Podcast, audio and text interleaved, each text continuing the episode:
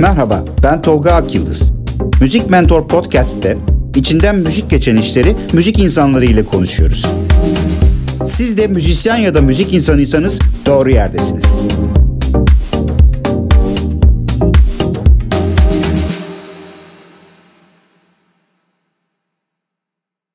Evet Barış'cığım hoş geldin.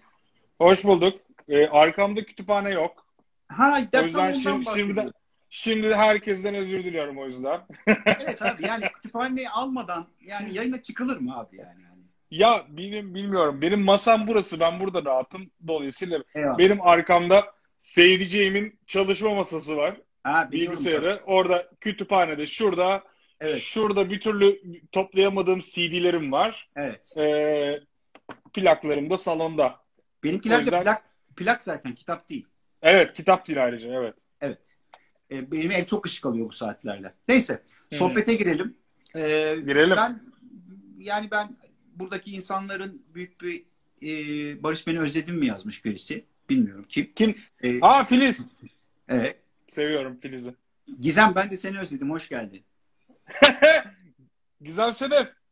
Merhaba, Evet. evlenelim mi? Güzel. Artık muhabbete Evet, dinliyorum. giriyoruz. Muhabbete Giriyoruz. giriyoruz. Barış burada e, biraz ben girizgah yaptım. Ne kadarını yakaladım bilmiyorum ama bizim normalde kendi, ar- kendi aramızdaki sohbetin e, kendi aramızda kabalaştığımız kadar kabalaşmadığımız versiyonunu yapalım diyorum. ne dersin? Mantıklı. Mantıklı, güzel. Güzel. Öyle yapalım. Mesela küfür falan etmeyelim. Kurumsal duruşlarımız var. Onları bozmayalım. Ama samimi olalım. Tabii yani. ki. Ha. Evet, sen sen bir tatlı bir sakal bırakmaya başlamışsın sanki. Evet abi yani öyle ne bileyim bir tribe bağladık yani. Öyle gidiyor. Dedim ben de Barış Akpolat gibi gözükebilir miyim acaba ama herhalde imkansız yani. O- o- Ee, Yani bir- bir- biraz zor görünüyor ama istedikten Evet. sonra her şey olur gibi geliyor. Bir Evet. yandan da. Bizim geyik potansiyelimiz yüksek olduğu için birbirimizi uyaralım yani. Olur mu? tamam. Olur tamam. Peki o zaman hardcore bir soruyla giriyorum. Abi sen metalci misin, rapçi misin, nesin? Bunu bir kitlelerle açıklayalım ya. Anarşistim. Hiçbir şeyciyim ya. Hiçbir şey misin? Anarşistsin. Tamam. Yani Peki. şöyle söyleyeyim. Ben e, ya bu hakikaten benim kafamı kurcalayan bir e, soru. Ben de bunu bu karantina sürecinde eve kapandığımız süreç boyunca bir düşündüm. Çünkü dedim ki ya acaba yani ben kendimin ne olduğunu biliyorum ama insanlar açısından acaba bu dedim ki bir e, sıkıntı yaratan mı ya da rahatsızlık verici bir şey olabilir mi? Çünkü daha önce de mesela yani ben işte mesela benim DJ hocam biliyorsun aynı zamanda bir de DJ'lik gibi bir derdimiz var. Hepsine geleceğiz. Ee, Hepsine Onun için de mesela İlker Aksungar'dan ders alıyorum. Tekno çok severdim eskiden beri. Ben DJ'liğe başladıktan sonra millette mesela Turbo da sordu. Ulan sen rapçi misin, metalci misin, tekno? Ya hani yapabiliyorsam neden yapmayayım ki? Neticede ben bunu kendi zevkim için yapıyorum. Yani ben oturup da tamam elbette bir yerlerde çaldım. Ee, para da kazandım biraz. Tabii ki bir DJ kadar değil, profesyonel bir DJ değilim ama hani e, metal çocukluğumdan beri dinlediğim benim hayatımı beni ben yapan şey. E, bunun içine ortaokulda girmeye başlamış bir hip hop e, zehri var. Çok benim için şahane bir zehir. Çünkü kafamı çok açtı. Lirikler, metalde benim için o kadar önemli değildi bir süreye kadar. Ama o zaman ben hip hop'taki liriklere ufak ufak dikkat etmeye başlamıştım lisedeyken. E şimdi metal beni bugüne kadar getirmiş. Hip hop'u keşfettikten sonra ben metali atacak mıyım? Hayır. E, ikisinin çok iyi örneklerini de keşfetmeye başladım yıllar içinde. Ben bunların hepsini birlikte dinleyebiliyorum. Hepsinden başka bir keyif alıyorum ve her zaman çok klişe de olsa hep söylediğin bir şey var yani hayat tek tarz müzik dinlemek için çok kısa ve ben bir sabah kalkıyorum canım Public Enemy dinleyerek yumurta kırmak istiyorsa Public Enemy dinlerim. Bir sabah kalkarım Ezel dinlerim. Bir sabah canım ister Borusan Klasik adlı radyoyu açıyorum mesela bazı sabahlar roketi gezdirirken e, klasik müzik dinliyorum. Çünkü canım o anda be, hiçbir şey dinlemek istemiyor ondan başka. Şimdi bir araya gireceğim. Bu soru şey gibi algılanmasın. Bize ne yani rapçi mi metalci mi istediğini dinler her şeyi dinler. Böyle yafta mı olur e, taraftarlık mıdır bu filan gibi algılanmasın. Bunun için sordum. Bu anlamda sen hem rap camiasına hem metal camiasına yakın ve her iki alanda da bilgi sahibi. Şimdi elektronik alemlerde de boy gösteren bir kardeşimizsin. Şimdi böyle baktığın zaman o camianın insanları tarafından aynı anda kabul görüyor olma aslında ilginç bir konu.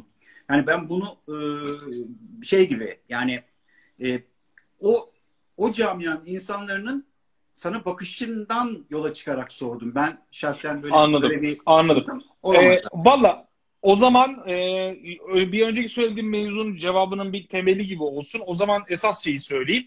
İnternette benim yaptıklarıma bak, baktığı zaman pek çok insan bulan bu da yalan herhalde yani bu kadar şeyden bir insan evladı anlamaz şeklinde. Fakat benim işim sadece müzik olduğu için yıllardır e, ben bu işle alakalı çok fazla şey okudum, dinledim. 7-24 bununla uğraştığım için bu camialardan insanlarla birebir de muhabbet ettiğim zaman ulan sen de aslında hiç tahmin ettiğimiz gibi bir herif değil misin? Sen de bu işleri aslında anlıyormuşsun diyorlar. Fakat Twitter'dan ya da işte Instagram'dan falan ne kadar yalan adamla olduğuma dair çok fazla mesaj da al, aldım yani. Şimdi yalan söyleyecek halim yok ama insanları da şey yapamam yani hani insanlara da bu yüzden bunu yaptıkları için bence yanlış ama çok da bir itiraz edemem. Çünkü ben de büyük ihtimalle onların yaşında olsaydım ve karşımda e, hip hop'la alakalı bir kitap yazmış. İşte e, aslında metal şeyleri, death metalde paylaşan, DJ'lik yapmaya da çalışan, klasik müzikten de bahseden birisi olsaydı ben de büyük ihtimalle ileri geri konuşurdum. Ama Barış sen müzik yazarısın. Yani e, bir gazetede yazıyorsun, evveliyatın evet. var. Başka gazetelerde yazdın, internet ortamında yazıyorsun. Yani görüşüne başvurulan bir müzik yazarısın. Zaten bir müzik yazarının herhangi bir türü e, takım tutar gibi tutması söz konusu olamaz. E, yani evet Onu da yani... yani kişisel e, ilgi alanların birden fazla olabilir. Çünkü işin de bu bir yandan. Hem e, yani tabii ki. Evet. Ya bir de zaten abi bir şey söyleyeceğim. Ben şimdi 36 yaşındayım. Yani benim yaşımdan geçtin. Ee, ben şimdi Hürriyet'te 8 yıl çalıştım. Hürriyet'te benden istenen şey neydi? 7-24 müzik düşünmem. Tabii ki o 8 yıl ben sadece müzik yazdım demiyorum ama hani o röportaj ağırlıklı sürekli röportaj yaptığım dönemde ki bu aşağı yukarı 4-5 yıl diyor. O zaman 7-24 müzik düşünmem İstanbul'a gelen bütün müzisyenlerle aşağı yukarı Krista Berg, işte ne bileyim Jean-Michel Jarre, Jan Garbarek ya da... Ben buradan okuyayım. Okuyayım mı? Ha oku. Okuyayım çünkü oku istiyorsan. Yani, ilginç bir liste. E... Ben Barış'cığımın kitabına Müzik Mentor serisinin de ilk kitabına bir ön söz yazdım. Orada da Kapak Barış... göstereyim mi? Bak hazırladım. Ben de hazırladım canım. Barış'ın röportaj yaptığı isimleri sıraladım alt alta. Gerçekten çok acayip bir liste. Neil Young, Stevie Wonder, Herbie Hancock, Lemmy, Motorhead'in Lemmy'si, e, Rob Halford, e, Glenn Tipton, Ian, Ian Hill, Judas evet. Priest, Alice Cooper. Ben yanlışım varsa düzelt. Ya düzelt derken okuya, okuyamıyorum çünkü karanlık geliyor. Dream, Dream Theater, Jill Scott, Santana, Simon Le Bon diye gidiyor. Amy Lee, Manic Street Preachers, Brett Anderson, Sweat'ten Matt Osman. Ondan sonra cıma hepsini okumayayım, kafayı yormayayım. David Coverdale var. Ondan sonra cıma ilgi çekebilecek. Sezen Aksu, Sezen Aksu var. Oralara geleceğim ama mesela Marcus Miller'lar, Stanley Clark'lar falan da var. Evet. Ama Christopher, Jean-Michel Jarre da var ve One Direction da var. Ve Sezen evet. Aksu da var. Falan. Yani iyi bir müzik röportajcısı adam neticede ve böyle de olmak zorunda. Şimdi zaten Eyvallah. Unutma bu röportajların geri plan hikayelerini lütfen süremiz içinde konuşalım. Tabii coşmadan çünkü hikayelerin orijinali baya yani iddialı hikayelerim var senin ben biliyorum. Şimdi ben buradan hareketle kitaba geçmek istiyorum. Biraz ezelden konuşmak istiyorum. tabii ki abi. Şimdi biz tabii birlikte yaşadık bu süreçleri. Ee, evet. Kitabın çıkma hikayesinde çorbada tuzum olduğu için, vesile olduğum için kanatı da burada e, sevgiyle e, selam yollayarak Evet. Bunu geçirelim evet. Kanat'ın. E, Kanat'ın da e, burada çok büyük katkısı var sevgili Kanat Atkaya'nın. E, bir gün üçümüz beraber çok da keyifli olmayan bir gündü ama oturduk e, bir, bir, bir kitap üzerine sohbet ettik. Barış o sırada yeni projeler düşünüyordu. E, Kanat niye kitap yazmıyorsun dedi. İşte Ezel niye yazmıyorsun? Nasıl olur? Öyle olur, böyle olur. Müzik mentor kitapları, Kara Karga yayınları derken bir de baktık biz Barış'la bu projeyi evet. hayata geçirmişiz. Oralarını zaten sen gelmeden birazcık anlatmıştım. E, sen e, işin farkını, bunun neden bir röportaj kitabı olmadığını, e, bu sohbetlerin nasıl geliştiğini, Ankara günlerini, Ezel'in nasıl biri olduğunu falan böyle bir kısaca toparla. Saat 8'i çeyrek geçiyor. Bir 5 dakika susacağım ben. Peki. Ee, ya aslına bakarsan bu her röportajda sorulan bir şey. Çünkü ben ilk önce e, e, bunu bir e, hatta senle konuşurken yani ilk başta bir nehir röportaj çok kısa bir e, süre röportaj Nehir Söyleşi kitabı olarak e, tasarlayıp ya yani ilk konuştuğumuz gün ondan sonra ya aslında madem bu kitap yazılıyor Nehir Söyleşi çok önemli bir e, tür olmasıyla birlikte çok çok zor. Fakat benim tarzıma uygun bir şey değil çok fazla. Ben çünkü yorum yapmayı ve sürekli konuşmayı seviyorum. Sürekli bir şey anlatmayı, hikaye anlatmayı, betimlemeyi, tanımlamayı, insanları kategorilere ayırmayı ve onun hakkında uzun uzun konuşmayı seviyorum. Bu tamamıyla benim tembelliğimle ortaya çıkmış bir hikaye. Çünkü ben Hürriyet gazetesindeyken röportaj yapmayı çok severdim. Fakat röportajları ses kayıt altına alıp o kayıtları çözmekten nefret ederdim. Dolayısıyla çözmeden ben bu röportajları nasıl çıkartırımı hesabını yaptım. Kulağıma kulaklığı takıp play basıp duyduğum her şeyi cümle cümle e, cümleleştirerek ve hikayeleştirerek çok hızlı bir biçimde elimden çıkartmaya başladım. E, ondan sonra bu benim çok daha hem elimi hızlandırdı. Dolayısıyla ben tanımlamaları, betimlemeleri falan ya ben mesela o bahsettiğim Judas Priest röportajı 3 tane e, Rob Halford, e, Ian Hill ve e, Glenn Tipton'la 3 tane kaset e, röportaj yaptım ve bunu bir hafta sonra e, yayınlamamız beklenirken son dakika erken gireceğiz dendi ve ben röportajı yazmamıştım.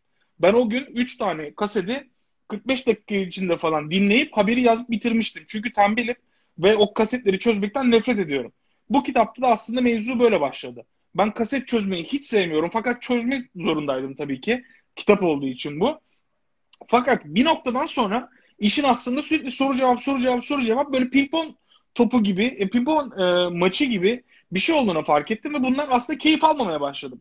Fakat ben e, kitabın başını mesela sonradan yazmadım. E, bir haberin önce spotunu sonra habere e, spotunu yazıp haberine girermiş gibi ilk önce o e, senin de biraz önce bahsettiğin Kanat abi ve senle birlikte üçümüzün o o gün yaşadığımız günden başlayıp hikayeyi anlatıp ondan sonra çerçeveyi çizmiş oldum aslında ve oradan devam ettim. Yani bütün bu aslında herkesin çok benim planlayarak yaptığımı zannettiği şey aslında tamamıyla benim tembelliğim yüzünden 10 sene önce çıkmış bir hikaye ve e, konuşmayı sevdiğim için de mevzuyunun e, bir anda ben kendimi dökmemle alakalı bir şey aslında. Yani bu ben hikaye anlatmayı sevdiğim için aralara girip orada Ezel'in, Sercan'ın daha doğrusu Ezel olarak tanınan kişinin nasıl bir Sercan olduğunu anlatmam gerekiyordu. Çünkü ben orada Ezel e, Ezel'i anlatırken ben aslında orada Sercan'ı dinliyordum. Sercan'la muhabbet ediyordum. Dolayısıyla e, ben burada e, aslında şeyi anlattı. Bir tane soru geldi de bir oradan kafam karıştı. E, ben burada aslında benim e, Sercan'la muhabbetimi anlatmak istedim. Onu tanımlamak istedim, betimlemek istedim. İnsanların o ev halini görmelerini istedim. Ve bunu sadece soru cevaplarla yapamazdık. Dolayısıyla aralara girip yorum yapmam gerekti. Durum aslında bundan ibaret. Ama yine de tabii soru cevapla yani soru cevap kitabı gibi de algılanmaması lazım. Çünkü sen e, konuştuğunuz konulara göre bölümlere ayırdığın ve çok sayıda muhabbetin dökümünden oluşturduğun aslında e, bir sohbet havasında yazdığın bir hikaye aslında. Yani hı hı. Nehir röportajdan en büyük farkı bu. Hani herkes öyle evet. görüyor olabilir. Yani işte ne var bir röportaj yapmış, uzun bir röportaj, onu da kitap yapmış. Hiç öyle değil. Yani ben şahitlik ettiğim için söylüyorum. Bir hmm. zaman geçirdiniz. Sen onu anlat birazcık son 3 dakikada bu konuyla ilgili. Yani hmm. Ankara günlerinde nasıl o ezelle zaman geçirmenin bu kitaba faydası ne oldu? Nasıl zaman geçirdiniz? Neler yaptınız? Ee, ya valla şimdi açıkçası Ankara benim çok uzak olduğum bir şehirdi. Yani çok eskiden gitmiştim fakat Ankara'nın başka bir havası var. Mesela Manga ile röportaj yaptığımda bana Yağmur yıllar önce hani o şarkıların nasıl çıktığını e, böyle anlatmıştı. Abi hani camdan dışarı bakıyorsun ve böyle depresif bir hava var. Hani o sana şarkı yazdıran bir hava aslında falan diye anlatmıştı ve ben o zaman Ankara'ya bakışım değişmişti. Ben genelde İstanbul değilse İzmir'dir e, benim için. Deniz var çünkü falan tribinde bir adamdım. Fakat e, Sercan'la hani buradan Ankara'ya gidişim e, işte trene binip oraya gitmem, Sercan'ın beni orada karşılaması, önce eve gitmemiz ve eve hani böyle aslında eve bile gitmek istemiyordu yani. Hemen hadi abi hemen dışarı çıkalım mekana gidelim falan diye. O ünlü olmadan önce takıldığım bir mekana e, gidip e, oraya beni götürmek istiyordu. Fakat ben işte önce üstümü değiştireyim falan bir kot mot giyme şofmanla gittim. Ankara'nın soğuğunu o anda hissettim falan. Yani aslında bir Ankara havasını e, yaşadım ki bu işte e, Sercan'ın yaşadığı şeylerde. Yani aslında ilk önce onun e, soluduğu havayı soludum ki hani gerçekten burada ne yaşanıyor ve burada bundan sonra ne yaşayacağız birkaç gün içinde. Hani onun bir özetini aldım ve Ankara'da takılmak, onun arkadaşlarıyla ki zaten işte Agabi, DJ Supa gibi arkadaşlarını önceden tanıyordum müzikleri vasıtasıyla. Ee, orada birebir de tanıştık. İşte yedik içtik, muhabbet ettik, çilingirler kuruldu, çaylar içildi. Ee, ve hani oradaki muhabbet mevzuyu e, şey yaptı. Yani bu sıradan bir röportajı benim her zaman yapmak istediğim şeydi. Ee, yani bir müzisyenle vakit geçirmek ve gerçekten e, onun ne yaşadığını e, yaşamak ve aslında bu bu kadar bir anda parlamış, e, inanılmaz yetenekli ve çok ünlü bir insanın ev halini de görmek e, çok etkileyici bir yandan yani. Hani neticede bir sürü insanla röportaj yaptım ama hiçbirinin evine girip evinde kalmadım. Evet, Ama hani kal- burada kal- kaldın tabii bir de değil mi? Yani o da var. Tabii canım tabii tabii tabii tabii. Ya bana işte bugünün e, stüdyosunun olduğu üst katta bir tane çaprazda bir e, oda verdiler. Orada ben her gece bugünün durmadan çalışan bugünün e, müziklerini dinleyerek, bir hazırladığı beatleri dinleyerek ki o zaman hazırladığı beatler daha sonra Agabi'nin albümünde e, yer aldı. İşte o beatleri dinleyerek uyudum günlerce yani. E, inanılmaz bir deneyimdi benim için. Daha e, bir daha tekrar yaşamak isterim böyle bir deneyimi. Gerçekten etkileyiciydi benim için. İnsan olarak da beni şey değiş, değişik hissettiren bir şeydi. Daha çok kısa sürede daha e, fiziksel olarak raflara gelmeden e, dört baskı yaptı yanlış hatırlamıyorsam. Dört Ee, günde. Dört günde dört baskı yaptı. Evet. E, yanlış hatırlamıyorsam Şu anda da artık- şu, şu anda da altıncı baskıdayız zaten. Şu anda da 6. baskıdayız. Ee, daha yeni yeni insanlar çıkıyor. Aslında rafta görüp alacak insanlar yeni kitapla göz göze geliyorlar. Biraz öyle oldu. Ben hiç rafta görmedim mesela. Ne yalan söyleyeyim. Hiç görmedim yani ben. Dışarı Ee, çıkmadık da ondandır yani. Abi zaten şimdi dört güne dört baskı yaptı. Zaten yoktu piyasada. Evet. Yani o dört, ba- o dört baskı internetten yayınlanan zaten. Doğru, Ee, doğru. internetten satın alınan kitaplardı. Biz de internet ön satışa çıktı. Ön satışa ön satış bittiğinde zaten ikinci, üçüncü baskıya girmiştik zaten. Sonra dördüncü baskı yapıldı. Ondan sonra tam ben hadi gidelim görelim. Aa rafta fotoğraf da çekeriz falan diye. Caddeye tam çıkacaktık ki aslında çıkmamamız gerektiğini anladık. Evet. Yani biraz böyle. Evet. Evet. Ha, şimdi bundan sonra yayın evi e, yeni bir tanıtım kampanyasına girişecek zaten. E, ondan sonra. Öyle mi? Tabii tabii. Yani bunu da buradan söyleyeyim.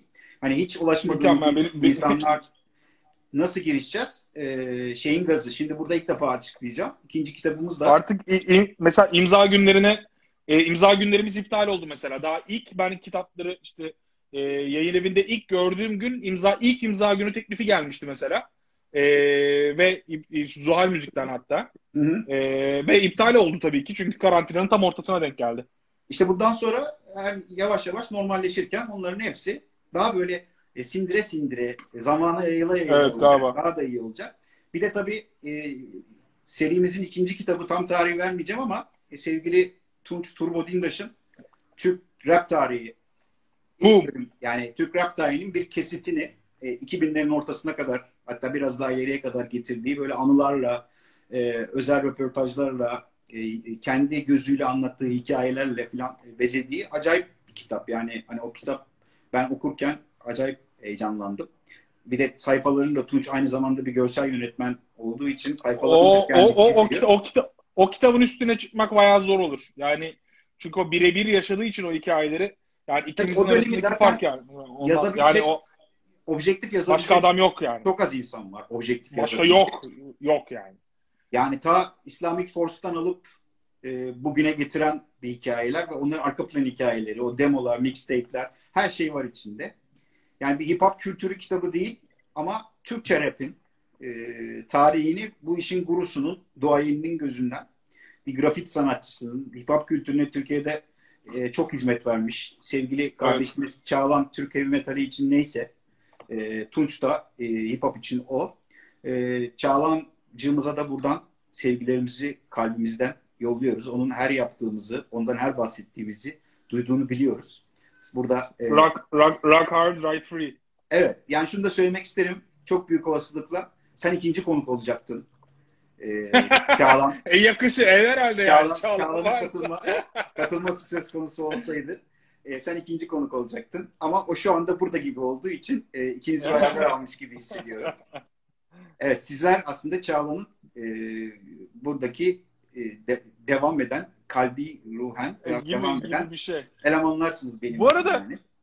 Bu arada bir şey soracağım. Yukarıda bir tane soru vardı. Kimin sorduğunu hatırlamıyorum. Mesajları da açmaya tırsıyorum şimdi. Aç, Yayına aç. bir şey yaparım falan diye. Evet. Karışır. Ee, bir tane soru vardı. Kitapta da bahsettiğim e, Hürriyet Gazetesi'nde ilk toplantıya gittiğimde işte ben müzikten başka pek bir şey anlamam e, dediğim zaman Banu Tuna bana şey demişti. E, yukarıda Blue'cum var. Tolga da arkadaşım. Sen de o zaman Blue'cum başındaydın. E, yukarıda Tolga var. Seni de tanıyorum. Blue'cum da okuyorum zaten. İstiyorsan yukarı söyleyeyim müzikten başka bir şey bilmiyorsun sen git Blue'cum'da çalış. Burada ne şeyim var diye. Ha, e, Cansu sormuş evet. Ondan sonra onu ay, kitapta neden anlatmadın demiş. Yani çünkü çok gerek yok. Orada bir karar vermem gerekiyordu. Aslında bir taraftan da çok ilginç yani. Ben kaderci bir adam değilimdir ama işte insanın seçtiği yollar bir şekilde birisiyle tanışman gerekiyorsa tanışıyorsun. Yani Evet. işte senle aslında o gün ben ya evet ben müzik dergiciliği yapmak istiyorum diyebilirdim. Ee, ve Blue Jean'e gelebilirdim. Senin stajyerin olabilirdim. Ee, belki buraya gelemezdim başka bir yere gidebilirdim. Ama işte o yolu seçmedim. Onu niye seçmediğim de aslında şu. e, bilmiyorum gaz, gazetede yani müzik bilgime de o kadar güvenmiyordum aslında. Ama hani başka bir şeyden anlamam diyordum ama işte yıl 2004 ya da 5 olması lazım. Ee, işte çok bir sebebi yok aslında. Ben gazeteciliği hani hazır hürriyete oraya kapağı atmışız. Çünkü ilk toplantı yapıyorum. Ben buradan yürüyeyim. Oraya da bir şekilde çıkar orada da tanışırız diye. Orayı da ben bir şekilde tanışırım diye şey yapmış olabilirim. Düşünmüş olabilirim zannediyorum. Çok öne, acayip, acayip önemli bir hikaye değil yani bu aslında Cansu öyle. Atladığım bir şey yok yani. Yok, güzel bir hikaye. Ben çok net hatırlıyorum. Senin böyle çok kararsız olduğun bir dönem olduğunu böyle. Hani bir yandan kalbin Blue Jean diyor ama bir yandan aklın Evet. biraz diyor filan. Yani ben o zaman sana söyledim mi bilmiyorum ama bence doğrusunu yaptın. Çünkü O zaman biz çok muhabbet etmiyorduk seninle. Yani tanıştık babamdan bab- bab-. Ne yapmıştın? Çağlan kimseyle konuşmamıştım. Hayır Banu bana sordu. İstiyorsan yollayayım diye yok yollama ben burada iyiyim dedim. Orada kaldım ben yani ondan sonra.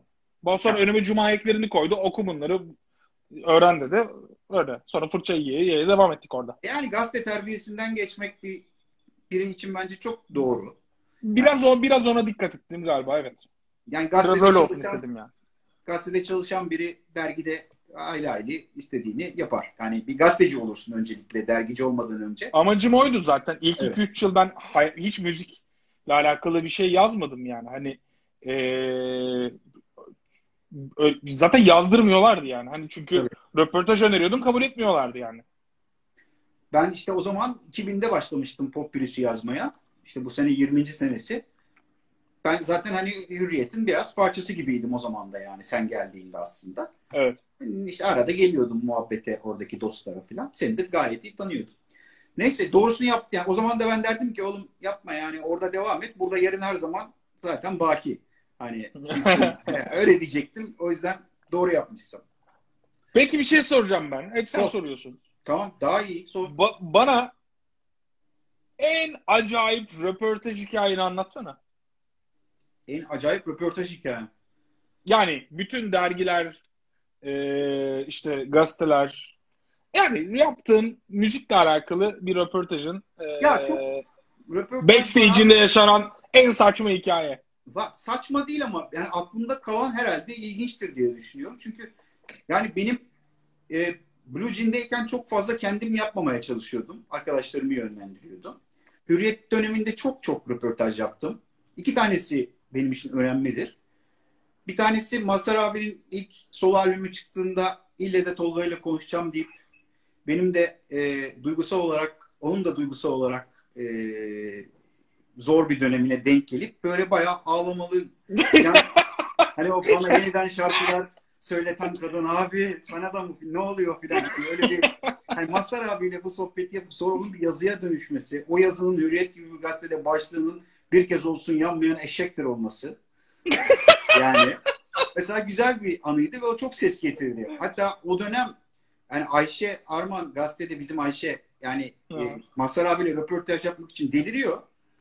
Mazhar abi Ayşe'yi bile reddetti yani ve hani o, o öyle bir hatıra yani. İkincisi de Güzelmiş. Milliyet'teyken e, Teoman'ın ilk müziği bırakışındaki Teoman müziği bırakmış. E, müziği bıraktığı için herkes Teoman'la konuşmak istiyor. E, ne olacak? Müziğe dönecek mi? Döndü, dönüyor filan gibi geyiklerin başını döndürmüş durum. Hatta o kadar büyük mevzuydu ki e, bana sor ben, ben böyle başka bir yazar başka bir gazeteci ne birisi yorum almıştı. Sence geri döner mi falan. Bence geri döner falan. Böyle, bu, Ya herkes bir arama cevap arıyordu ya. yani. Döner Herkes dönmez. dö- döner dönmez. Bırakır adam ne istiyorsa onu Evet, yapsın. yani- İster gider ister gelir. Adam zaten bunlar bunları düşünmemek için bıraktım dedi bence. Yani Evet. bırakamayacağını biliyordu. Hani bir diyeyim de yakamdan düşsünler falan diye. Yoksa neyse işte sonuçta ben onun aldım ki Teoman bir şeyler gene bir tık anlanmaya başlamış. Hani işte konser de yaparım, prodüktörlük yaparım ama işte albüm yapmam ama şarkı yaparım ama yarım yaparım falan gibi öyle, öyle bir kafaya gelmiş. Neyse ben e, Teoman'la konuştum eski hukukumuz olduğundan. Abi dedim hani gel bunu güzelce bir anlatalım. O zaman da milliyetteyim. Sağ olsun kabul etti. O da böyle hani Teoman genelde kasar kendini röportajlarda biliyorsundur. Evet. E, ben de Hiç röportaj yapmadım Teoman'la bu Ha, arada. ama genelde Memleket, mem, memleket, yani, yani Duman Kağan'la Teoman'la falan konuşmak çok kolay değildir yani. Evet bu arada Duman, Duman'ın Türkiye'de en uzun yaptığı röportajlardan birine de ben Evet. e, benimdir bu arada mesela hatırlarsan. İşte senle En, benle, en, senle benle konuşurlar. Çünkü öncelikli olarak Teoman e, buradan da röportajcılık kafasına geçelim.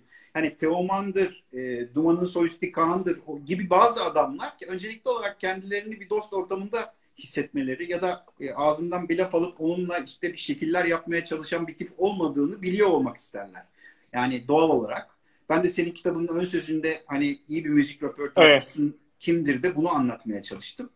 E, Dolayısıyla işte Teoman'la röportajıma dönecek olursak e, ikna oldu. Başta çok kısa kısa cevaplar veriyordu. Ondan sonra ben birazcık psikolog kimliğimle e, Teoman'a röportajda röportajda Çözüldü değil mi? unutturdum. Yani unuttuk yani böyle röportajı. Röportajın sonunda koltukta ağlıyor değil mi Teoman? Ya, ya öyle bir Çocukluğuna dönmüş. ya öyle şey katarsisler yaşamadık ama yani rahatladı. Yani anlatırken rahatladı. O, onun aleyhinde gelişmeyeceğini kavradı ve o röportaj bayağı ses getirdi. Yani e, tek röportajdı çünkü verdiği. E, ondan sonra da müziğe geri döndü. Öyle yani.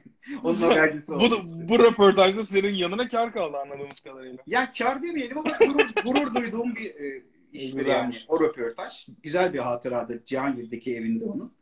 E, bu arada buradan hareketle ben senin anılarını biliyorum. Ben gideyim şu ışığı yakayım. Sen de şeye Evet. gir.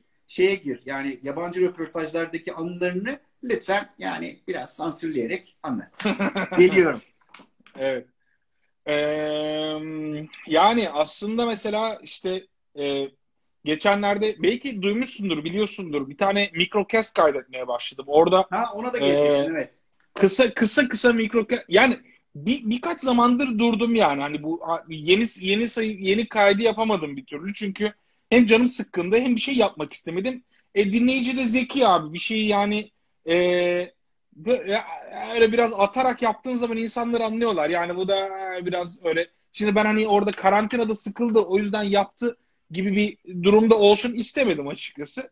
Ben hani ondan keyif alıyorum ama orada mesela en son anlattığım hikaye ya yeni yeni bölümleri yapacağım bu arada kişisel girişimde.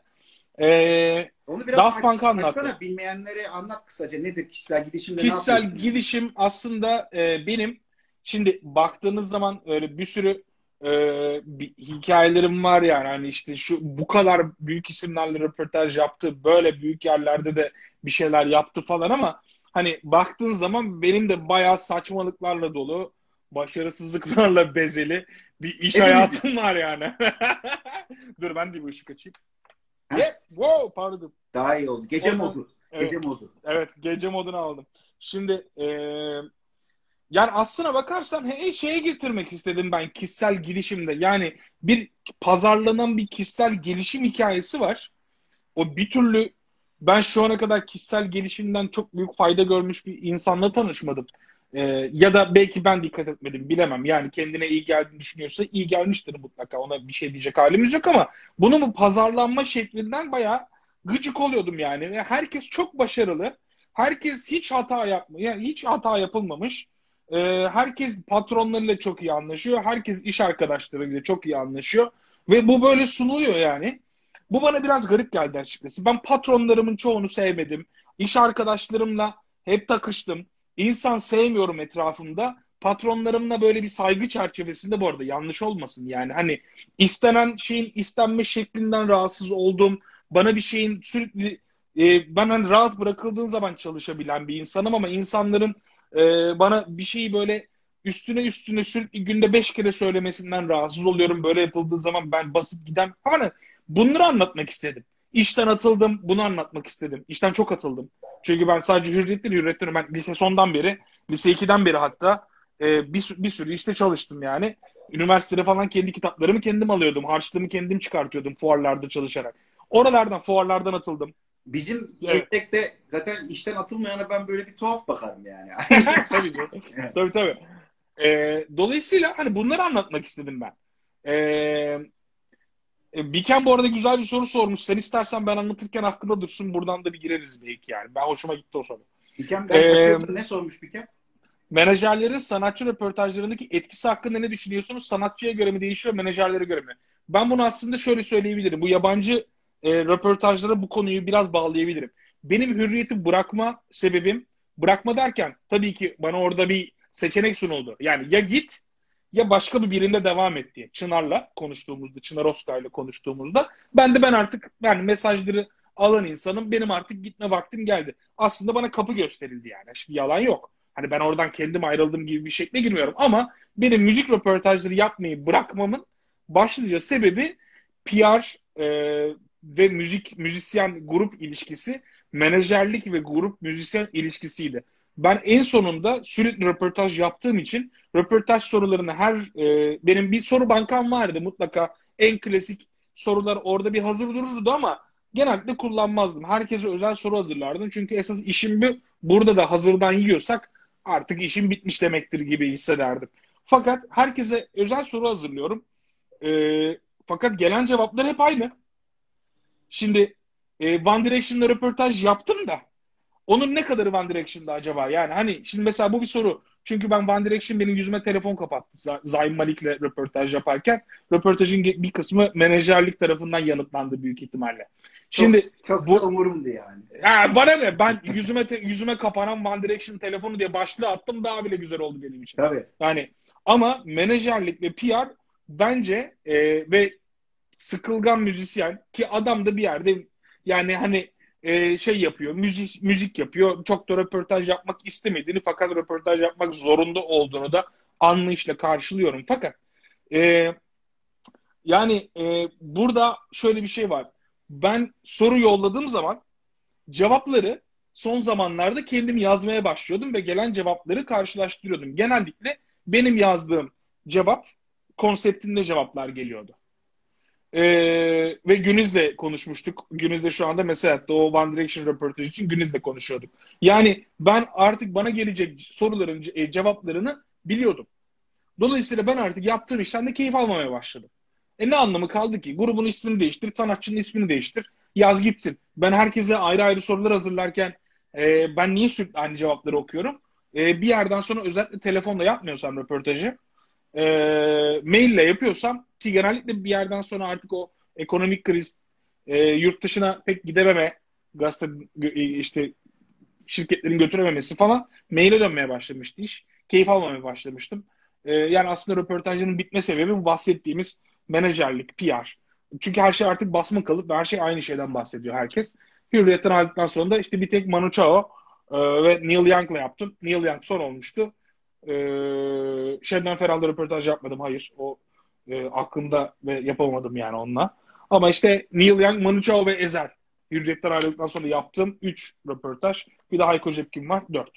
Evet. Ya belki Ama, Bikem kendisi de e, menajerlik işiyle uğraştığı için bir de Türk sanatçılar tarafından yani menajer mi fark yaratıyor yoksa senin sanatçıyla ilişkin mi fark yaratıyor yoksa burada röportajı isteyen kurum mu belirleyici? Sen mi seçiyorsun? Yani bu iş nasıl oluyor gibi de soruyu okuyalım. Yani sormuş olabilir. O zaman onu da söyleyebilirim. Ee, yani aslına bakarsan hürriyetten bahsediyorum. Hürriyet o zamanlar amiral gemisi dediğimiz tabii ki yani özellikle ilk girdiğim zaman e, Neyri Özkan dönemi gerçekten efsane bir dönemdi ama e, sonrasında tabii ki yani gazetelerin yavaş yavaş tirajlarının düşmesi, Hürriyet'in çok hızlı bir şekilde tiraj kaybetmesi bir, bir noktadan sonra. Ee, yani bütün gazetelere karşı özellikle gezi eylemleri sonrasında bütün gazetelere karşı olan bir tepkiden kaynaklı bir noktadan sonra gazetecilik e, zorlaşmaya ve artık bizim yaptığımız anlamda biraz da e, şey e, kalibre düşürmeye başlamıştı artık yani e, genel olarak. Fakat orada şöyle bir şey var. Ben hürriyet adına konuşuyorum. E, bir röportaj önerdiğim zaman e, genellikle şöyle oluyordu. İşte bir tane editör e, şöyle ya o da mesela şöyle bir şey yaptı. Bunu konuşmazsa konuşmayalım. Bir şey söyleyeceğim. Şunu açalım. E, o, aynı dönemde beraberdik. O dönemi anlatıyoruz. Kimse üstüne bir şey Evet tabii ki. Tabii ki. Hayır hayır. Ben kendi gördüğüm şeyi anlatıyorum. Ha, o dönem. Bu, vardı bu. Evet evet. Ben, ben, ben, ben benden önceki ya da sonraki dönemi zaten anlatamam. E, bu arada söylediğim şey de bir şey değil. Herkes bir yani bu iş bence herkesin ne anladığıyla göre değişen bir şey. Ben bir grup dinliyorum. Kafamda bir imge beliriyor. Röportaj yapacağım zaman o grubun e, kiminle konuştuğumun ruh hali bunu etkiler. O kiminle konuştuğum, e, onun ruh haliyle beraber gündemden ne anladığı, konuştuğumuz şeylerden algıladığımız şeyler, bulunduğumuz ortam, bunların hepsi röportajın havasını değiştiren bir şey. E, bununla birlikte senin yap, röportajı, evet sen bilmem kimle röportaj yapacaksın ama hani oradaki hangi eke girecek savaşı, röportajın e, hangi ekte ne kadar görülecek savaşı e, gazeteciyi çok etkileyen bir şey. E, dolayısıyla sen bu arada hani röportajı kapmak başka bir dert. O röportajın ne kadar yer olması bir prestij senin için. Hangi ekte yer alacağını bilmek de bir prestij. E, ya bak bu adam bunu anlatıyor, pazara girsin diye kasmak, patronla akşam işte bir kadeh bir şey içerken patronu kafalamaya çalışmak falan. Yani mevzu sadece birisiyle tanışıyorsun, röportaj yapıyorsun ve birileri yayınlıyor değil. Orada bambaşka bir kavga dövüş var. Röportajı ilk aldığım kavgası bilmem ne bunların hepsi röportajın havasını değiştiren şeyler bana göre. Ve burada hani herkesin yapabileceği bir iş değil. Yani ünlü tanımakla bu işi yapmak aynı şey olmuyor. Ee, ama menajer menajerin de etkisi büyük. Menajer ne kadar e, senin tanımadığın bir sanatçı da olabilir bu arada. Yani e, Can Bonomo daha hiç kimse bilmiyorken bir Babylon önünde bana Ece'nin on sana çok acayip bir herif dinleteceğim. Bak benim yeni sanatçım olacak. Çok önemli bir şey oluyor dediğini hatırlıyorum. Şimdi e, orada ben inanmayabilirdim dinlediğim şeye. E, gazeteyi bunu inandıramak da e, başka bir savaş. Yani menajerlik, grup, PR'cı ve gazeteci ve gazete ve editör beşlisi bütün mevzunun aslında hamurunu yoğuran şey kolay bir şey değil o anlamda baktığın zaman. Çünkü her tarafı da idare etmen gerekiyor. Ama bu arada hani ben burada hani sana bakarak anlatıyorum ama sen zaten bunları biliyorsun. Hani Biliyorum. soruya cevap vermek adına şey yaptım yani ben. E dedim Öyle. yani zaten abi yani bu bu canlı yayını ve sonrasında izleneceğini düşündüğümüz ay evet, evet. yayını niye yapıyoruz? Bunları konuşuyoruz. Böyle Aynen. böyle geliştireceğiz. Belki ileride birkaç tane daha yapacağız. İlkerin günahı olmaz. İşte elimizden geldiğince evet, evet. Ama sen yani. şey hala anlatmadın ya. Ya hani bana sorduğun sorunun cevabını yani. ee, mesela e, Daft Punk Microcast'tan buraya geldik. Mesela ilk orada Daft Punk hikayemi anlattım. Detaylı isterseniz oradan dinleyebilirsiniz. E, Daft Punk mesela e, röportajı kucağıma düştü. O hikayeyi hızlı geçiyorum şimdi. E, çok heyecanlandım. İlk yaptığım müzik röportajı Daft Punk çünkü. Yani evet. e, çok heyecanlı ve zor bir hadiseydi. Fakat e, şöyle bir şey var röportaj için ben menajerliği İngiltere'yi aradım. Londra'dan Paris'e bağlandılar. E, ve Fransızcam yok. Ve adam çok kötü İngilizce konuşuyor. Ve aramızda iki saniye latency var. Gecikme var. E, çok zor anlaşıyoruz. Yani 15 dakikalık bir süren var. Ve röportajı iki dakikası sadece adamın o iki kişiden hangisi olduğunu anlamaya çalışmakla geçti.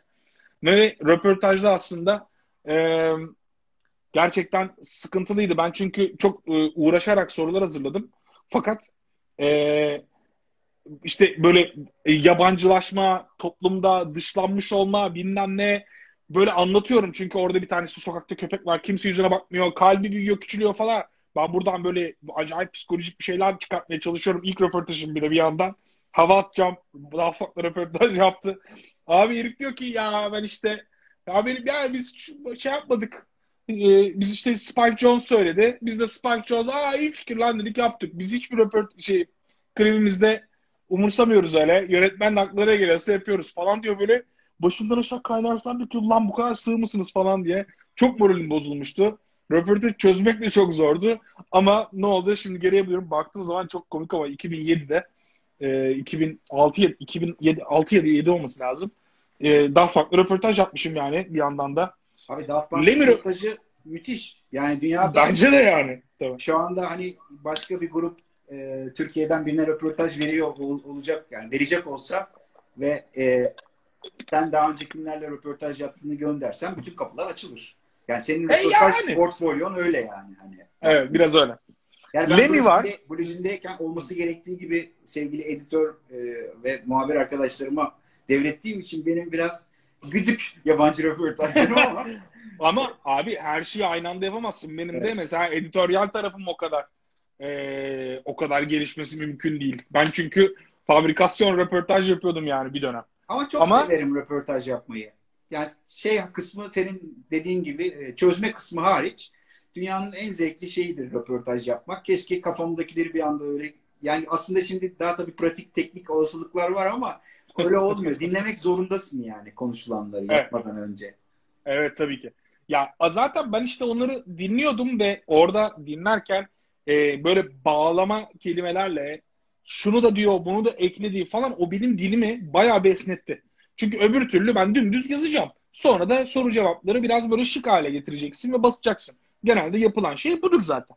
Fakat Evet. benim orada tembelliğim bana daha esnek bir dil, daha e, biraz daha fazla kitap okuma e, gerek daha fazla kitap okumam gerektiğini bana anlattı mesela. Ulan burada eksik var. Ben buraya kelime nasıl bulamam diye düşünüp daha fazla kendimi geliştirmeme şey yaptı. O sadece tema, e, tembellik. Kaset çözmekten nefret ediyorum ya.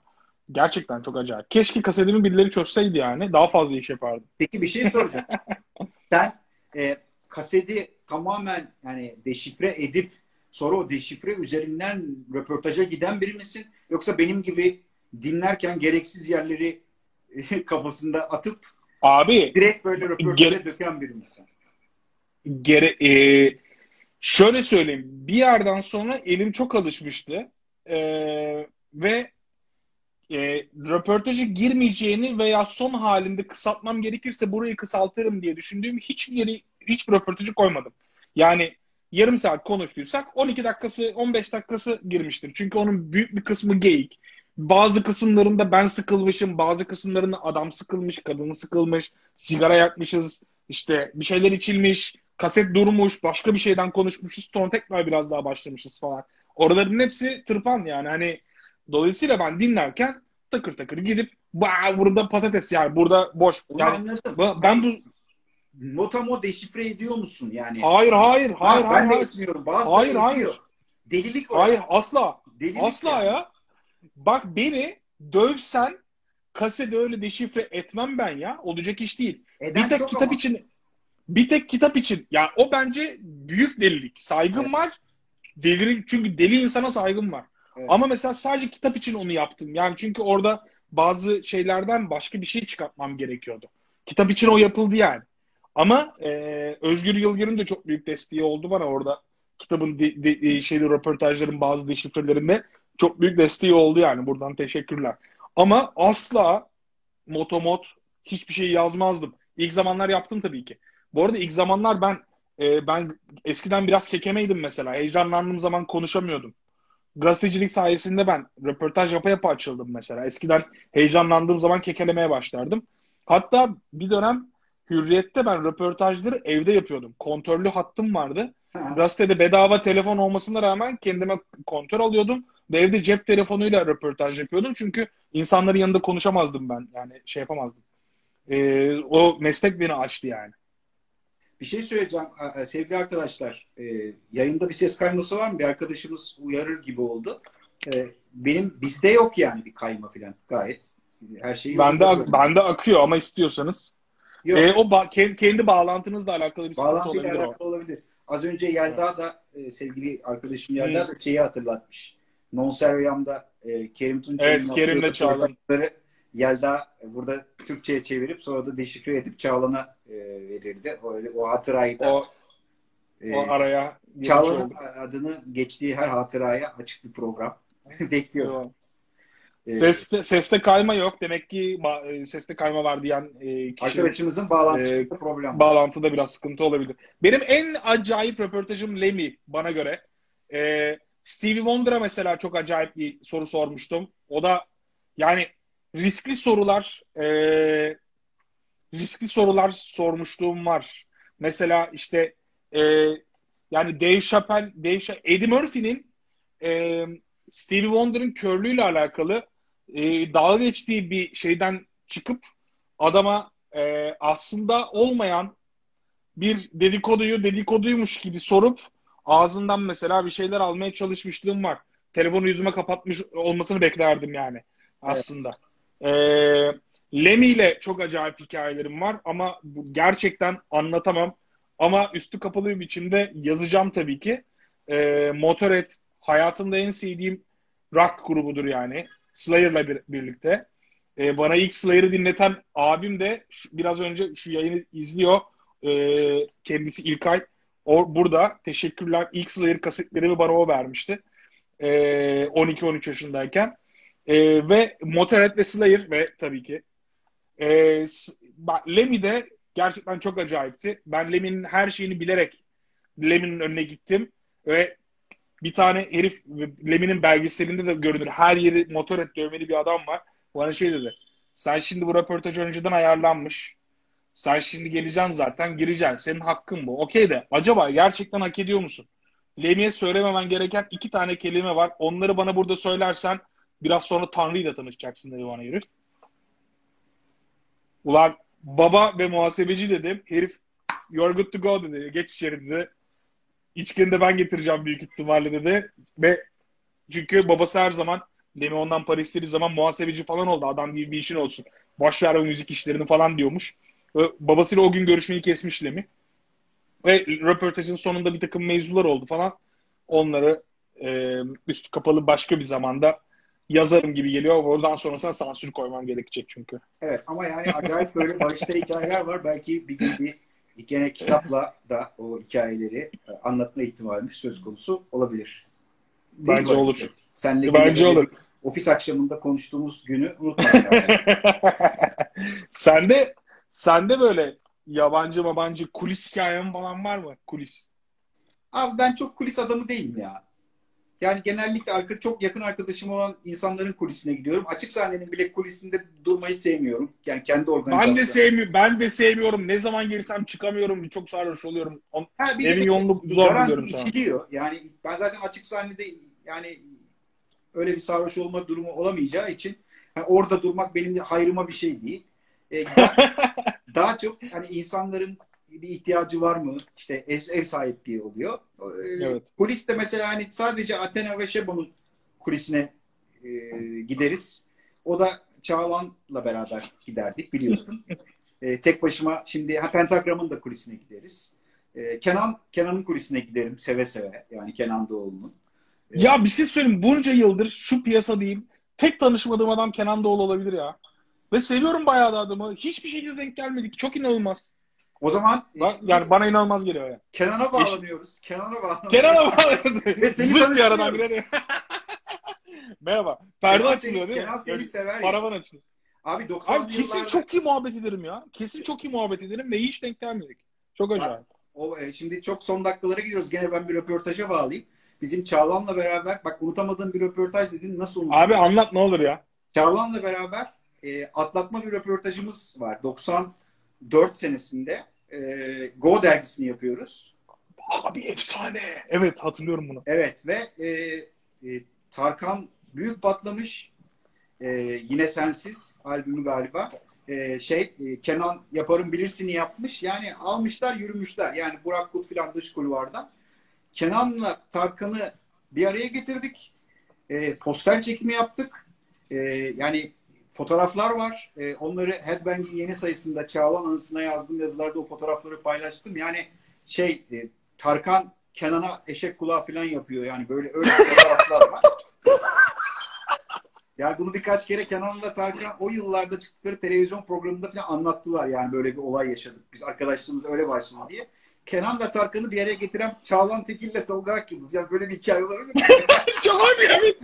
Mükemmel ya. Gerçekten. Çok çok ilginç bak. Yani hani ve ikisi de nerelere gelmiş yani değil mi? Çok acayip. Evet Tarkan'la ondan sonra bir muhabbetimiz olamadı. Ama Kenan'la dostluğumuz hiç bozulmadı. Hem Galatasaraylılık üzerinden hem müzik muhabbeti hem rahmetli babalarımızla arkadaştı bizim Kenan'la. Ee, senin Allah ömürler versin babanla babamın arkadaşlığı gibi Yurdar abiyle de babam babam da müzik gazeteciliğinden gelme olduğu için arkadaştı. Ozan'la da Kenan'la da öyle bir hukukumuz var yani. Yani babalardan evet. türü de bir sevgimiz var. Çok görüşmesek de her görüştüğümüzde yani senle görüşme sıklığında görüşüyormuşum gibi muhabbete kaldığımız yerden devam ediyoruz. Çok tatlı bir adamdır. Bence ben bir ek, ekran ekran şu an don, dondun. Parladı. Geldi. Geldim. Geldi. Evet.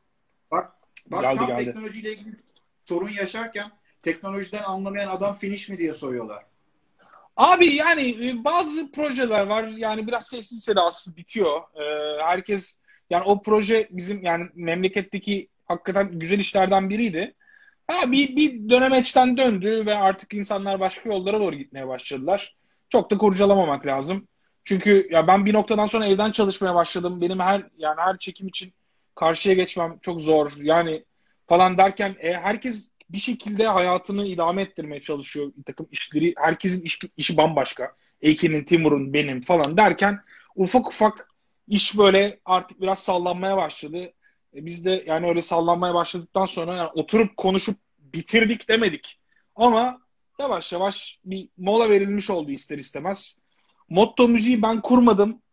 Motto müzik e, kurulmuştu. Ben de o zaman ekiple arkadaştım. Fakat Motto Müziğin ilk kadrosunun yani çekirdek kadroyu e, yani isimleri yazanlardan biriyim evet. Yani işte kanalı Yekta Kopan'la tanıştırdım. Murat Meriç'le ya bir nostalji programı mı olsa acaba böyle Türkçe pop falan dendiği zaman Murat Meriç'le e, gerekli toplantıyı ayarlayan falan kişi benim. Sarp Takni ile ben e, şey yaptım ama hani ben kurdum yanlış bir cümle. O, Barış, Barış şimdi ben başlattığım için görüyorum. Son bir dakikaya girdik abi. Ee, Vay. Ha, bir saattir konuşuyoruz. Bir saattir konuşuyoruz. Bir saatte de kesme taraftarıyım ben. Sonra ikincisini Peki. yaparız. Çok Nasıl güzel bir istiyorsan. sohbetti. İlk programa program diyorum ben buna. İlk programa konuk, konuk olduğun için çok teşekkür ederim. Seve seve seve seve. Güzel bir hatıra da olmuş oldu bizimle ilgili. Ee, Aynen. devam- bence mutlaka belirli bir aradan sonra devamını getiririz.